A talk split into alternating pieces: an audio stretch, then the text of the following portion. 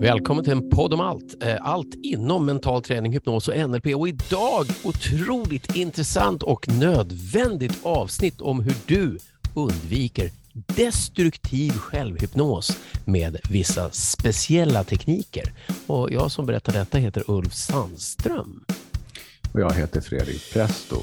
Ja, men det här är ju alltid aktuellt för alla dina handlingar bygger på dina tankar om dig själv. Och dina tankar om dig själv är en sorts självhypnos faktiskt.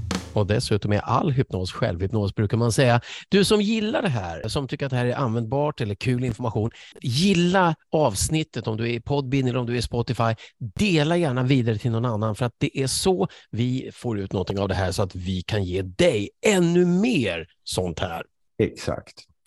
Så, vi har sagt det förut, men, men det är fortfarande lika eh, korrekt. Det du tänker som att det är sant, det känns sant. Och det, det du tänker är fel, det känns fel. Och därför blir det viktigt att tänka så citat rätt, slutcitat som möjligt. Och här kan, kan bland annat NLP vara till hjälp. Och med NLP menar vi neurolinguistisk programmering och det är ett sätt att kategorisera tankar. Alltså för mig jag kan säga att när jag, när jag lärde mig NLP, det var en eye-opener. Man läste om personlig utveckling och psykologi och massa olika fenomen och saker och det finns massor med teorier om varför vi tänker som vi gör. Men NLP handlar inte om det, det handlar om hur vi tänker som vi gör.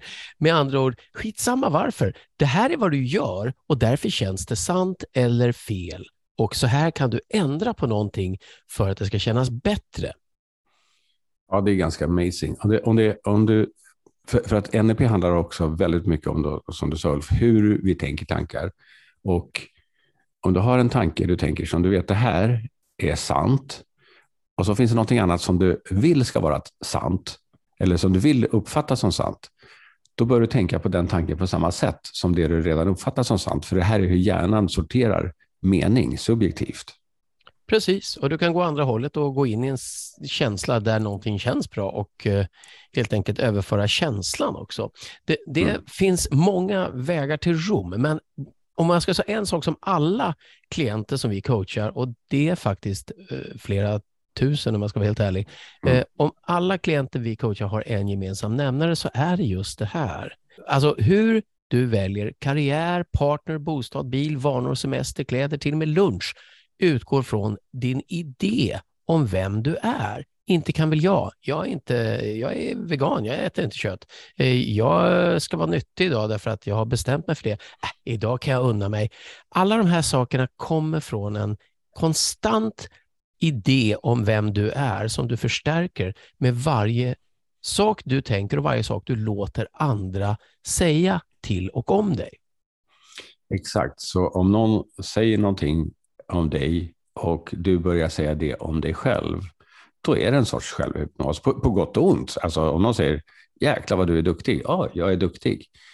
Mm. En, liten, en liten sån där uh, man kan ha som en ledtråd till hur man tänker om sig själv. Det är allt som man säger om sig själv, jag är. Så alla, alla jag är, det är ju någonting du tänker om dig själv. Det känns inte som jag. Det här är inte jag. Jag är inte sån. Det händer ofta att det kommer folk och säger, jag vill ha tillbaka mitt gamla jag. Jag vill vara som jag brukade. Det här är inte jag som jag är nu. Ja, men vem är det då? Kan man ju fråga sig. Jag förstår ju vad folk menar. De vill tillbaka till ett sätt som det kändes att vara dem förut. Men nu har det kommit in ny information som gör att det inte känns så. Och en sån information om man bara tar snabbt ett antal områden där det här liksom påverkar. Diagnoser till exempel. En diagnos är ju som en stämpel, kachung.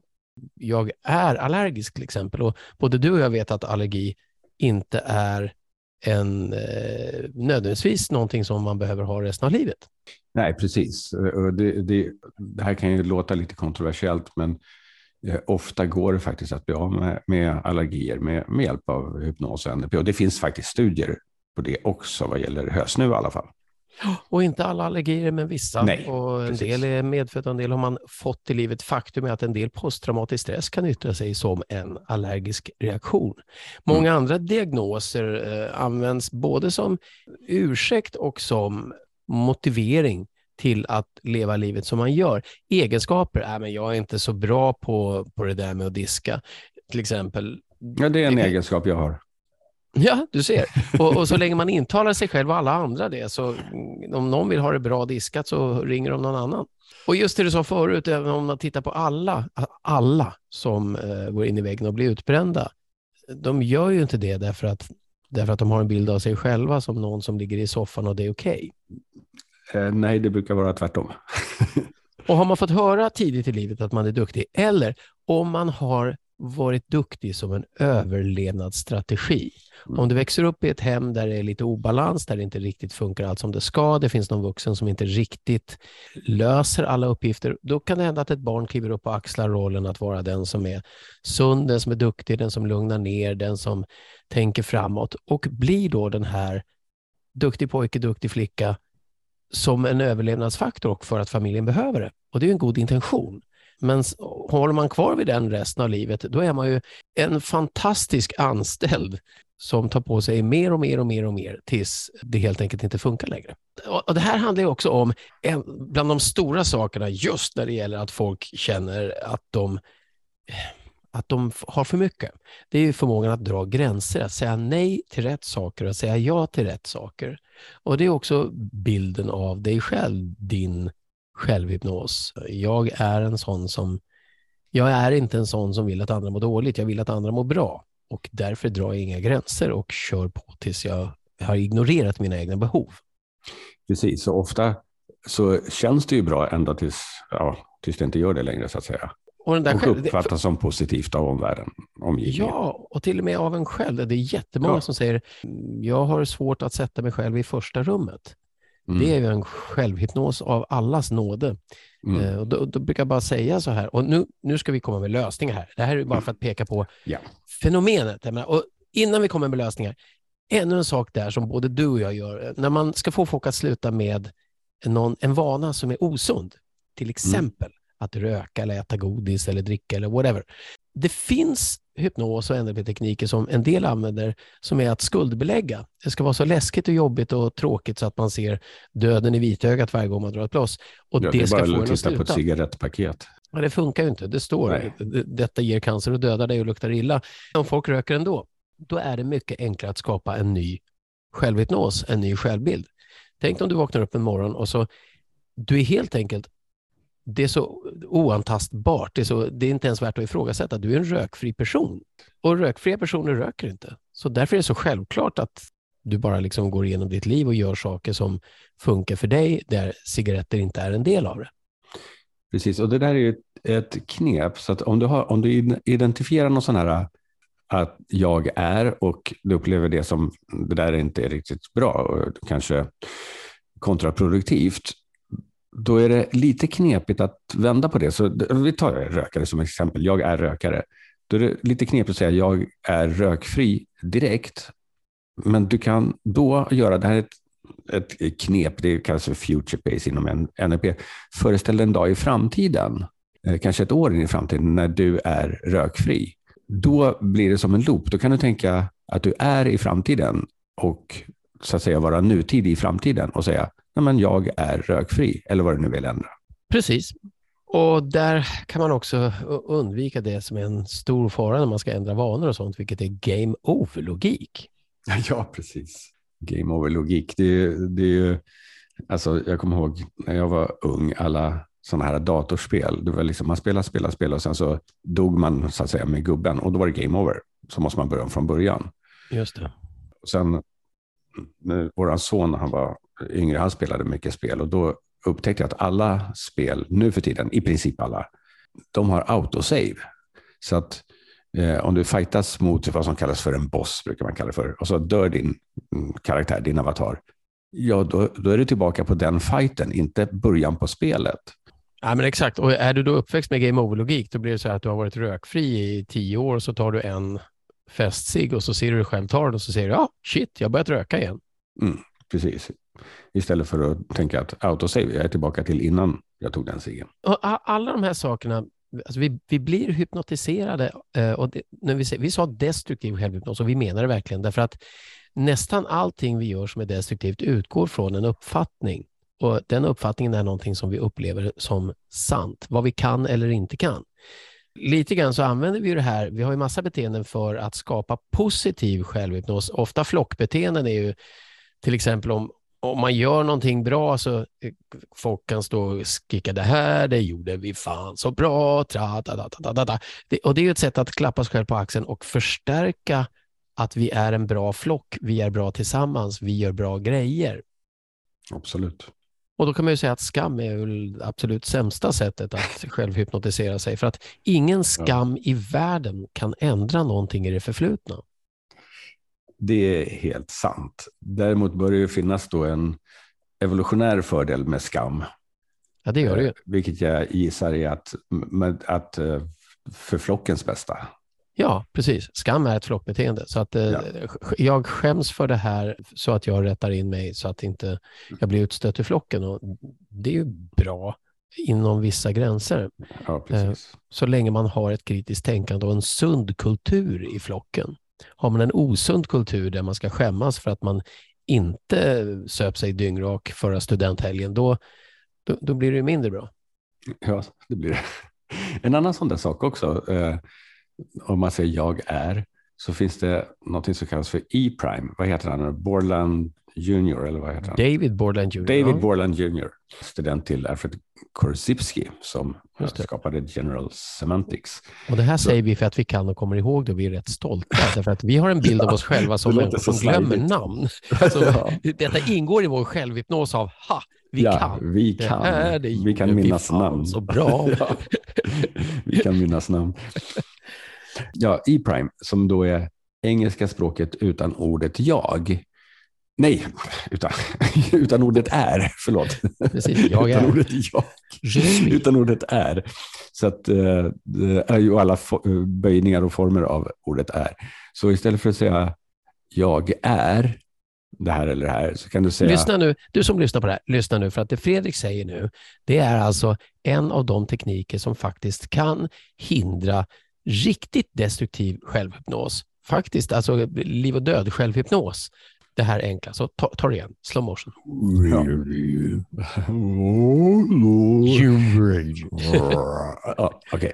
Så istället för att säga jag är, så du får inte säga, om du inte får säga ordet är, då måste du formulera det på något annat sätt.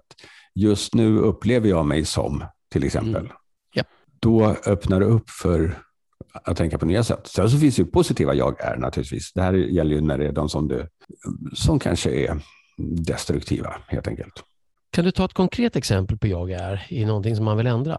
Jag verkar vara eh, allergisk, kan jag säga så? Eller? Mm, eh, nej, vara blir en böjning av är också. Istället för att säga jag är allergisk så kan du säga jag verkar få allergiska reaktioner när jag när det är pollen i luften eller vad det är. Precis, så jag verkar vara eh, liksom en trap. Det är en fälla. Ja, det är en liten kan falla i plums. Och eftersom vi inte är sådana som faller i fällor och inte du som lyssnar på det här heller, så jag verkar få allergiska reaktioner av det här ämnet, skulle man kunna säga. Och vad går jag från det då sen? Ja, sen kan du, sen kan du gå till undrar om det skulle kunna bli annorlunda i framtiden. Och om jag inte hade dessa reaktioner, vad skulle jag kunna göra då i mitt liv? Mm. Det är en future pace, för att säga. Ja. Om jag, ja, men och då säger så här, enkla tekniker för att få lite snurr på detta, det är ju att man kan tänka sig, till exempel, det finns en sån här, ett tag fanns en slipsnål, What would Jesus have done, förkortat till ja, eh, ja, de bokstäverna.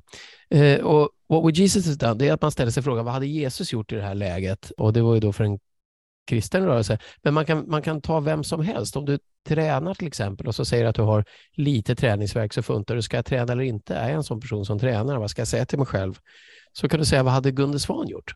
Mm. Och då lånar du någon annans värdemodell och alltihopa, men du vet inte exakt vad de har, alltså du vet inte hur de tänker, men du vet vad de hade gjort. Och, och det är ett sätt att öva. Ett, ett annat sätt är ju att sortera dina bilder av dig själv. För när, vi är ju äh, aparta motståndare till när folk säger min självkänsla som att det var en enda sak är låg eller hög. Mm. Men om du sorterar så att du hittar en situation där du faktiskt, där det känns rätt bra vad du, där har du det som är nyckeln till en bra självkänsla. Och då kan du hitta alla tankar du tänker där det känns rätt bra vad du och förstärka dem och undersöka dem och sen flytta andra bilder av dig själv där det inte känns så bra och fråga vad hade någon annan gjort som gjorde det bättre? Eller vad händer om jag, om jag flyttar bort den tanken bara helt enkelt i mitt huvud längre bort till vänster och gör den lite suddig? Vad du också kan göra, det, lite på det spåret som du var inne på Ulf, det är att du kan hämta resurser från till exempel situationer där du fungerar på ett sätt som du vill fungera och så bara gå in i det som känns bra och sen så bara ändra till situation. Säg vanligt till exempel är eh, rädsla för att prata inför andra. Det är en vanlig rädsla. Då kan du ta till exempel prata med en kompis eh, på, på ett fik. Ja, men det känns bra. Och så bara gå in i den. Hur är jag när jag pratar med en kompis på ett fik? Och sen lägger du till några personer till, men behåller känslan. Ändrar miljön så att du kanske eh, står framför några personer och så vidare. Men så länge du kan behålla känslan så eh, kan du så att säga flytta över den till en situation där du behöver den resursen. Och sen kritiskt tänkande naturligtvis. Är detta verkligen sant? Är det min synpunkt? Är det någon annan synpunkt? Är det en synpunkt jag vill ha? Vad skulle jag vilja ha för synpunkt istället? Mm. Så att om du tänker att du gör en bild av dig själv i framtiden, återigen, det som kallas för future pace, eh, att man kliver in i framtiden och tittar tillbaka utifrån en plats där man har lyckats med någonting. Den dagen som jag har de vanor jag vill ha, då kommer jag att vakna på morgonen och göra, eh, göra mig en kopp kaffe och sen kommer jag att göra lite yoga och sen kommer jag att fixa till, bädda min säng kanske och så kommer jag att ta en liten promenad och dansa runt i huset och glädja familjen om jag har en sån och så kommer jag att gå iväg till jobbet och på väg hem kommer jag att ringa till folk som jag inte har ringt till på länge och verkligen ta kontakt med dem. Jag kommer att stanna på en parkbänk och läsa två rader i en bok jag råkar ha med mig i väskan för att det känns kul. Och så vidare och så vidare. När du målar upp sådana här positiva framtidsmålbilder där ditt liv innehåller de vanor och beteenden som du skulle vilja ha och vad det kommer innebära, då programmerar du dig själv det är en slags självhypnos, en kartbild över vart du vill vara på väg och därför både medvetet och omedvetet kommer att göra val som leder till. Alla jag är kan vara konstruktiva eller destruktiva, så att om du helt enkelt ser till att, att i-prima dem som David Borland Jr tyckte, Exakt. Eh, så säger du helt enkelt jag önskar att jag, och det här är också affirmationer, det, kan, det är också en del av självhypnos. Många tror att man kan säga jag älskar mig, jag älskar mig, så plötsligt börjar man göra det. Men det är en självhypnos som inte funkar så bra. Nej, inte om man inte tror på det. Och, om man redan tror på det så finns det ingen idé att, att, att tjata om det. Nej, och där finns det studier som visar att om du, om du verkligen inte känner att du älskar dig själv och påstår det och det inte känns bättre så kan det leda till en, en deprimerad känsla. Och där vill jag kliva in med en stor flagga och säga, säg inte att jag älskar mig själv som ett slutmål, därför att det, det finns inte. Egentligen, men det, och det är så lätt att göra det, för att det där gör jag också ibland. Eh, man vill liksom ändå ja, vara vältränad. Vadå vältränad? När är man det? När, när ringer klockan och säger ping, nu är du vältränad, nu kan du sluta eller fortsätta. Men att man hela tiden tittar på process. Mm. Jag skulle vilja älska mig själv lite mer varje dag. Jag skulle vilja vara lite mer vältränad. Så fort vi tänker i process så har vi faktiskt ett program som är sundare och som går att förstärka hela tiden. Med andra ord, det du säger till dig själv eller tillåter andra att säga om det och tar in det som du tar som en sanning är en självhypnos som förstärker och talar om vart du är på väg. Bilderna du skapar över vem du vill vara i framtiden är kartan som ditt omedvetna följer. Alla diagnoser, egenskaper och sånt som har med dig att göra som du låser, det här är jag, det här är inte jag, kan du låsa upp genom att säga jag verkar, det förefaller som, istället för att säga jag är eller jag verkar vara. Då har du en möjlighet att starta processer som leder till nya platser. Och en liten extra teknik på slutet här, det är att man faktiskt kan ifrågasätta en övertygelse bara genom att helt enkelt säga tänk om. Så tänk om jag är en rökfri person. Tänk om jag har hittat rutiner som gör mig mer vältränad. Tänk om jag inte längre är allergisk. Tänk om jag kan vara duktig och sätta andra i första rummet och själv sitta i första rummet. Om alla våra klienter och vi själva har en sak gemensamt så är det att om det sätt vi tänker på tillåter ett negativt resultat så öppnar vi upp för negativa resultat. Ändrar vi sättet vi tänker på, ändrar du sättet du tänker på så att du tillåter bra resultat och har en idé om vilka de är, så ändras dina resultat. Om du har en egen historia eller erfarenheter kring det här så dela, hör av dig. Du kan kontakta oss på info.enpodomalt.se. Precis, och om du vill lära dig om neurolingvistisk programmering, NLP, så det är om du vill förstå dina tankar och annat. Där har du verktyg att sortera hur du tänker och hur du kan göra förändra som kallas för tekniker. Det finns massor. Bör, sätt dig nu genast och liksom googla. Du, för du verkar vara en person som är nyfiken och därför kan du googla. Precis, du är en person som är nyfiken på de här sakerna. Vi är då mentala tränare som arbetar och använder verktyg som hypnos och NLP som involverar ditt undermedvetna, vårt undermedvetna, i all utveckling. Och, om du vill, ja. ja. Om du vill vad då? Om du vill veta mer om hypnos. om du vill veta mer om hypnos och hypnotiskt språk rekommenderar vi vår bok Unpack your existence som finns fysiskt och som ljudbok där böcker säljs. Ja, eller om du bara vill testa och uppleva en del av dem, då kan du med en gång i månaden och uppleva en live workshop. Eh, då går du in på unpackyourexistence.com. Stavningen står i texten till denna podd. Ja, så om du tycker det här var intressant så får du gärna som sagt gilla och dela avsnittet med någon som du tror kan ha glädje av det. Och då får du dessutom någon att diskutera det med. Och vår oändliga glädje och tacksamhet. Dessutom.